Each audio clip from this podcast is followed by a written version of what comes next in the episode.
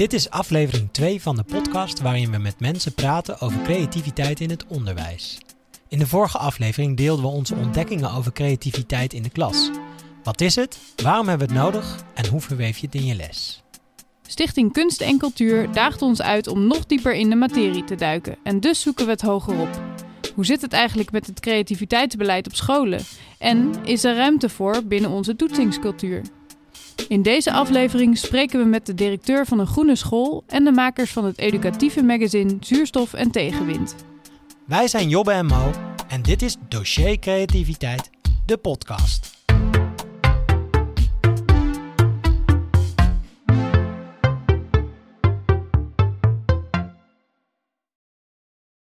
In de eerste aflevering probeerden we de weg naar creativiteit samen te vatten in één zin. De benodigdheden in één formule als het ware. Dat bleek lastiger dan we dachten omdat het gaat over hele kleine nuances. Maar we sloten ons pleidooi af met een aantal factoren die sowieso helpen om creativiteit aan te wakkeren. Volgens ons bereik je creativiteit het beste vanuit een vreugdevolle toestand en vanuit een persoonlijke interesse. Verder zijn variatie, kaders, vertrouwen, bereidheid om te falen, zowel bij jezelf als bij de leerlingen, en een zekere mate van ongemak nodig om in een creatieve staat te komen. En dat vraagt om een andere houding. Loskomen van het huidige systeem. Je onderwijs met andere ogen bekijken. Maar is het wel mogelijk om binnen de huidige vastgestelde normen vrij te experimenteren met je lessen? Kun je eigenlijk wel onderwijs maken wanneer je de uitkomst niet weet? Wat jij wil als leerkracht en als school, je wil heel verantwoordelijk zijn voor al die kinderen waar jij verantwoordelijk voor bent. Dus je wilt uh, te proberen te controleren. Uh, en, en vooral zeg maar niet laten weten wanneer we iets niet weten of wanneer we iets niet kunnen. Of, want dan geven we misschien wel, of dan creëren we misschien wel een gevoel van onveiligheid. Terwijl dat is, uh, dat is, niet, dat is heel erg vanuit controle je werk doen. En volgens mij is het belangrijk om dat weer veel meer vanuit vertrouwen te gaan doen. En de, en de kinderen te vertrouwen, maar ook jezelf te vertrouwen.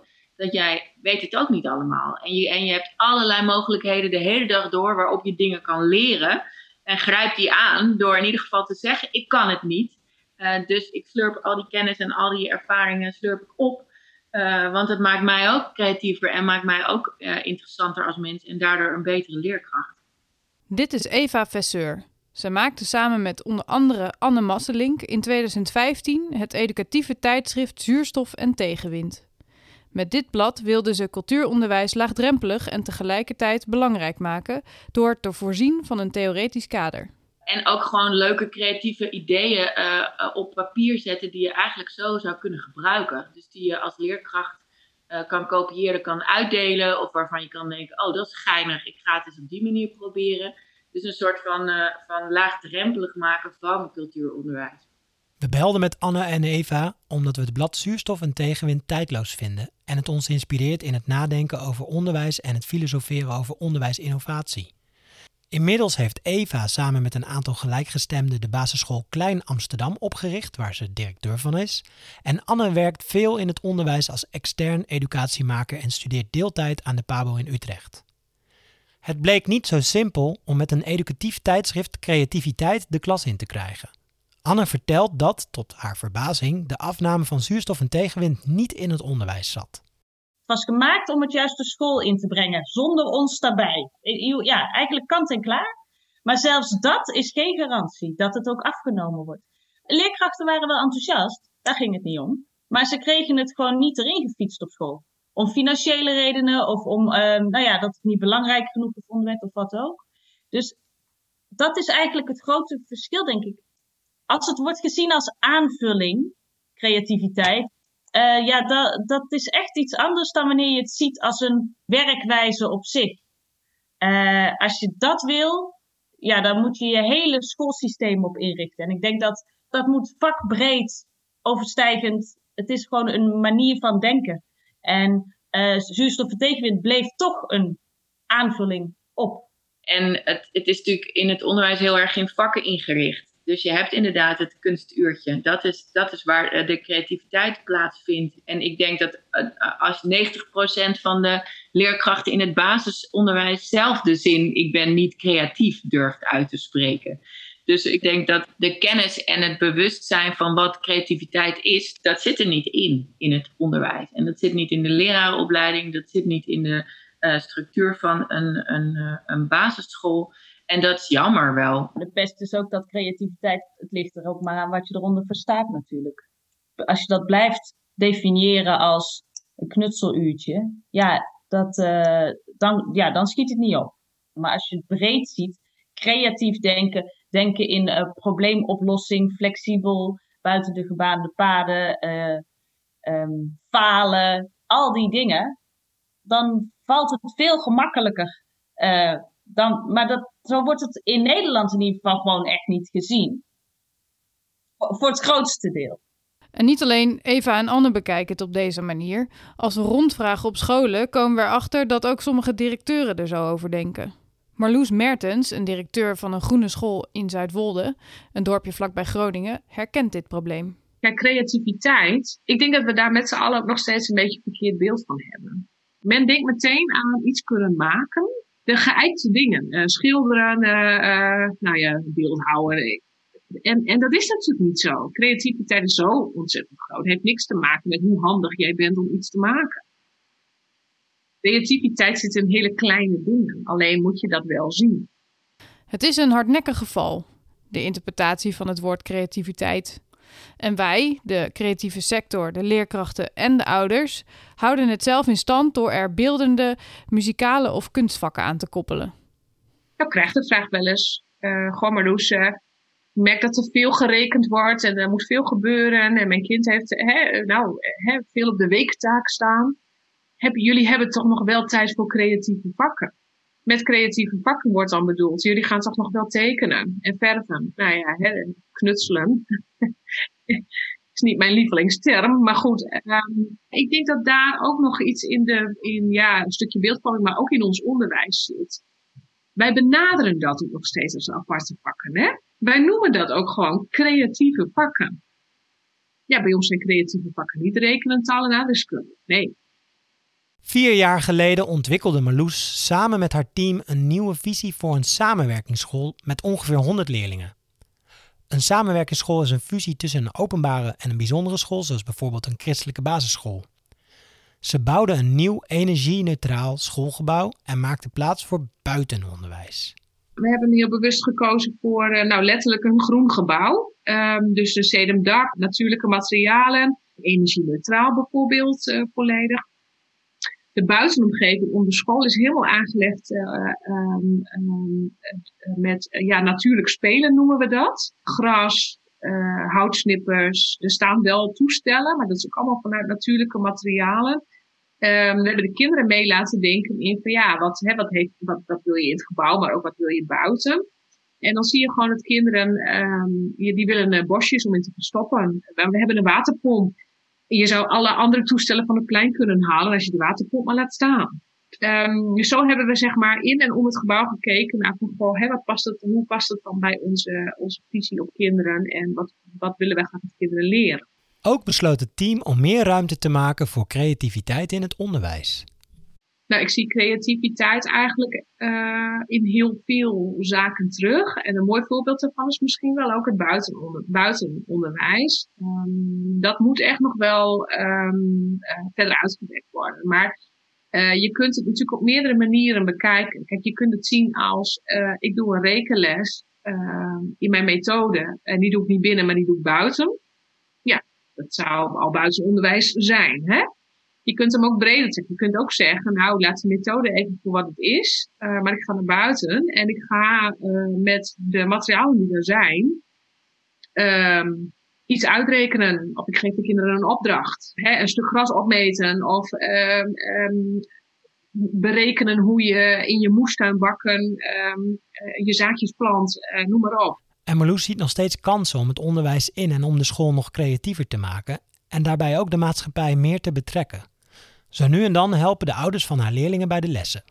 Wat we doen is van buitenaf talent binnenhalen. En dat kan betaald zijn. Hè? Dus er is een kunstenaar geweest en die heeft een blok uh, echt uh, uh, nou, een kunstwerk met een groep gemaakt. Um, maar we proberen de buurt erbij te betrekken. Dus wat een groep kinderen net gedaan heeft, bijvoorbeeld het beschilderen van elektriciteitskastjes in Zuidwolde. Maar we hebben ook ouders met ontzettend veel talent. En we hebben een ouder die zit in de muziekwereld. Nou, de kinderen hebben met hem uh, een rap gemaakt en ook daadwerkelijk opgenomen in de muziekstudio. He, dus het gaat van koken tot aan de moeder die kapster is. We hebben een boekbinden gehad. Uh, dus zo haal je eigenlijk overal ook je expertise vandaan. om ateliers in te zetten. En um, ja, dat zouden we veel meer moeten doen. Want ik zie dat, dat iedereen daar heel vrolijk van wordt. Op Klein Amsterdam zoekt Eva naar andere manieren om creativiteit de school binnen te halen. Volgens Eva is creativiteit niet in een methode te vangen, maar meer als denkwijze te benaderen. Het woord methode vind ik dan weer uh, stom, want creativiteit kan je eigenlijk niet een methode van maken, want het heeft geen zeg maar, opeenvolgende lijn. Maar we, we zijn wel steeds op zoek naar een soort van sleutels van hoe kun je nou wel creatief creativiteit in je DNA krijgen. In het DNA van jou als leerkracht, in het DNA van jou als schooldirecteur, in het DNA van, uh, van de kinderen. Uh, hoe creëer je eigenlijk een soort creatieve cultuur? En dat is iets anders dan wanneer je zegt: Ik wil een, uh, weet ik het, een heel efficiënte cultuur. Terwijl creativiteit moet je juist ook heel veel dingen niet doen. Dus heel veel ruimte laten. Weet je? Een, een, een overleg plannen zonder dat je er een onderwerp hebt. Of een, juist bij het koffiezetapparaat iets neerzetten waar, wat verwondert. Wij werken dan op school heel erg veel met provocaties. Waarin je eigenlijk een provocatie neerzet in school of in de klas. En kijkt hoe mensen daarop reageren. En dan kan het ook zo zijn dat niemand erop reageert. En dat is vet inefficiënt. Dus het druist ook een beetje in tegen soms andere waarden. Ik, ik, denk niet dat je ooit, ik zou het willen hoor, dat je ooit kan zeggen, nou, creativiteit is bij ons soort van de basis of dat is een, een garantie. Ik denk niet dat het kan, maar het is wel een continue zoektocht naar, naar hoe kun je eigenlijk die creativiteit zo erg in je, in je school houden of brengen. Er zijn dus al wel scholen die meer ruimte voelen om minder gestandaardiseerd en resultaatgericht te werken. Door binnen de kaders te experimenteren en de uitkomsten te bespreken, ontstaat er langzaam meer ruimte om lessen opnieuw vorm te geven. Toch is de norm op veel scholen die gestandaardiseerde en resultaatgerichte cultuur. Hoe komt het eigenlijk dat die cultuur belangrijker is geworden dan een creatieve cultuur? Kijk, het onderwijs is ook een beetje een golfbeweging. En dat heeft ook te maken met um, het toezicht op onderwijs. Want uh, creatief is helemaal niet verkeerd. Uh, maar wij komen uit een periode dat, dat, het, dat het heel erg ging over opbrengsten. En dan hebben we het over opbrengsten echt toetsopbrengsten. Hè? Opbrengsten op de basisvakken. Dat zijn bij ons rekenen, taal, spelling, begrijpen, lezen. Um, en daarmee is ook een hoop creativiteit ja, in de ijskast gezet. Er kwamen natuurlijk richtlijnen voor, je moest zoveel uur rekenen in de week. Je moest zoveel uur dit en zoveel uur dat. En mensen voelden het ook een soort als van, ja, uh, ik word op de vingers gekeken. En dat is eigenlijk nooit uh, de bedoeling geweest van een inspectie van onderwijs. Die hebben niet gezegd, nou joh, weet je, haal alle creativiteit uit het onderwijs, maak het zo saai mogelijk en ga je basisvakken werken. Marloes vertelt ons ook dat inmiddels de inspectie van het onderwijs zich eigenlijk meer opstelt als critical friend.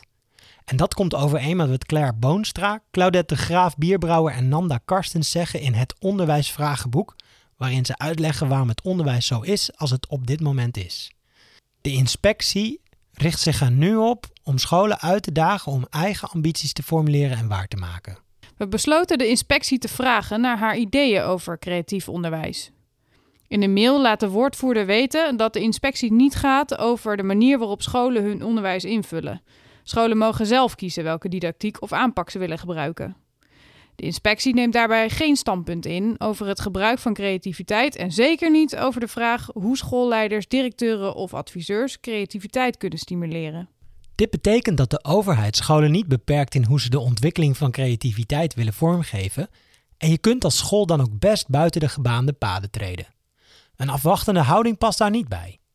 Toch blijft toetsing het argument dat creativiteit in het onderwijs lijkt tegen te houden. Hoe kan dat? Dat zijn vaak ook resultaten die niet makkelijk te vatten zijn. En dat is ook lastig, want je, als je het hebt over hou vast, dan is het resultaat van 8, 8 uh, goed van de 10. Dat is veel concreter en veiliger eigenlijk dan. Ja, we hebben vandaag eens echt heel goed, heel goed nagedacht over uh, wat verveling nou eigenlijk precies betekent voor je. Ja, dat is ongrijpbaar. Het is moeilijk over te brengen aan een derde. Van het effect van dat gesprek.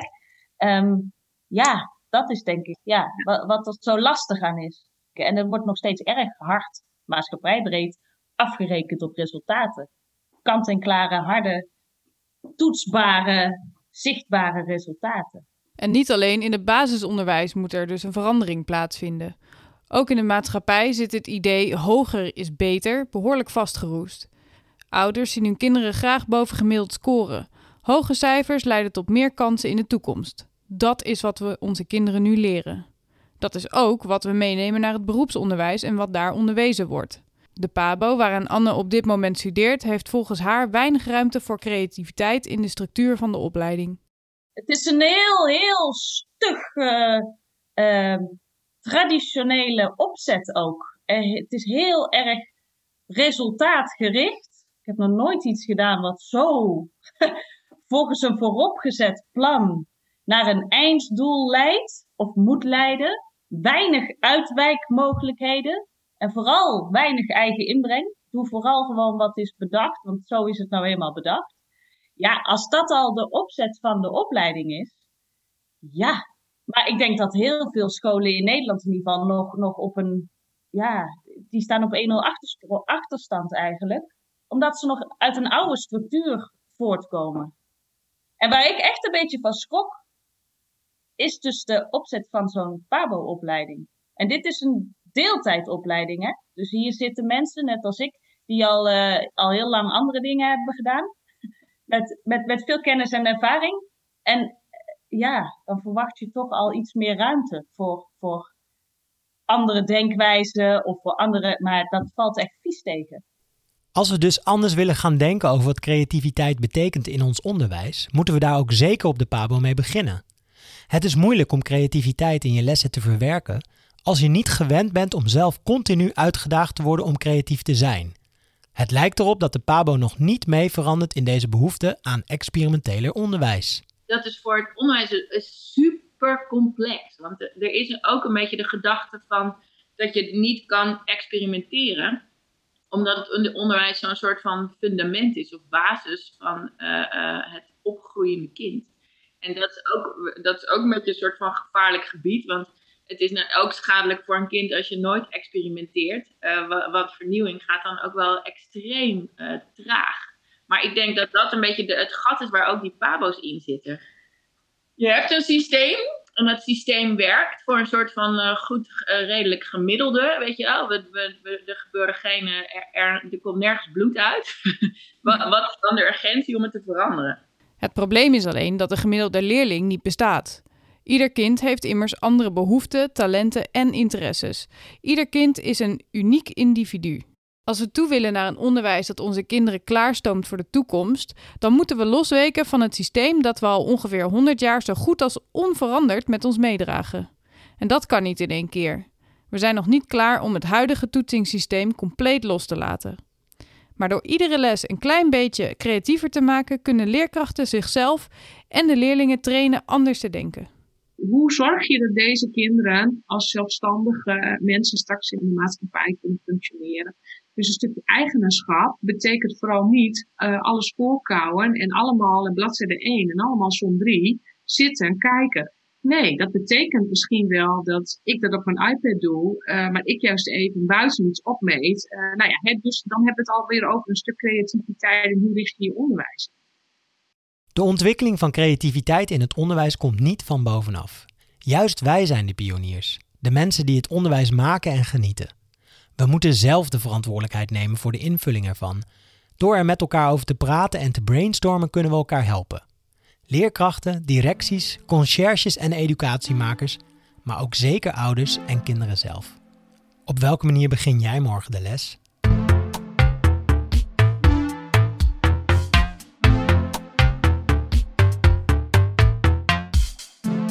Ben je geïnspireerd geraakt om aan de slag te gaan met creativiteit bij jou in de klas, maar weet je nog niet precies hoe? Neem dan een kijkje in het dossier creativiteit op de website van KNC www.kunstencultuur.nl/slash dossier creativiteit. Daar vind je onder andere leestips, trainingen en inspiratiekaarten. Of misschien heeft deze podcast je geholpen je lessen creatiever vorm te geven en wil je je ervaring met ons delen. Dat kan. Mail Jobbe of mij via kijk@onedayartist.nl.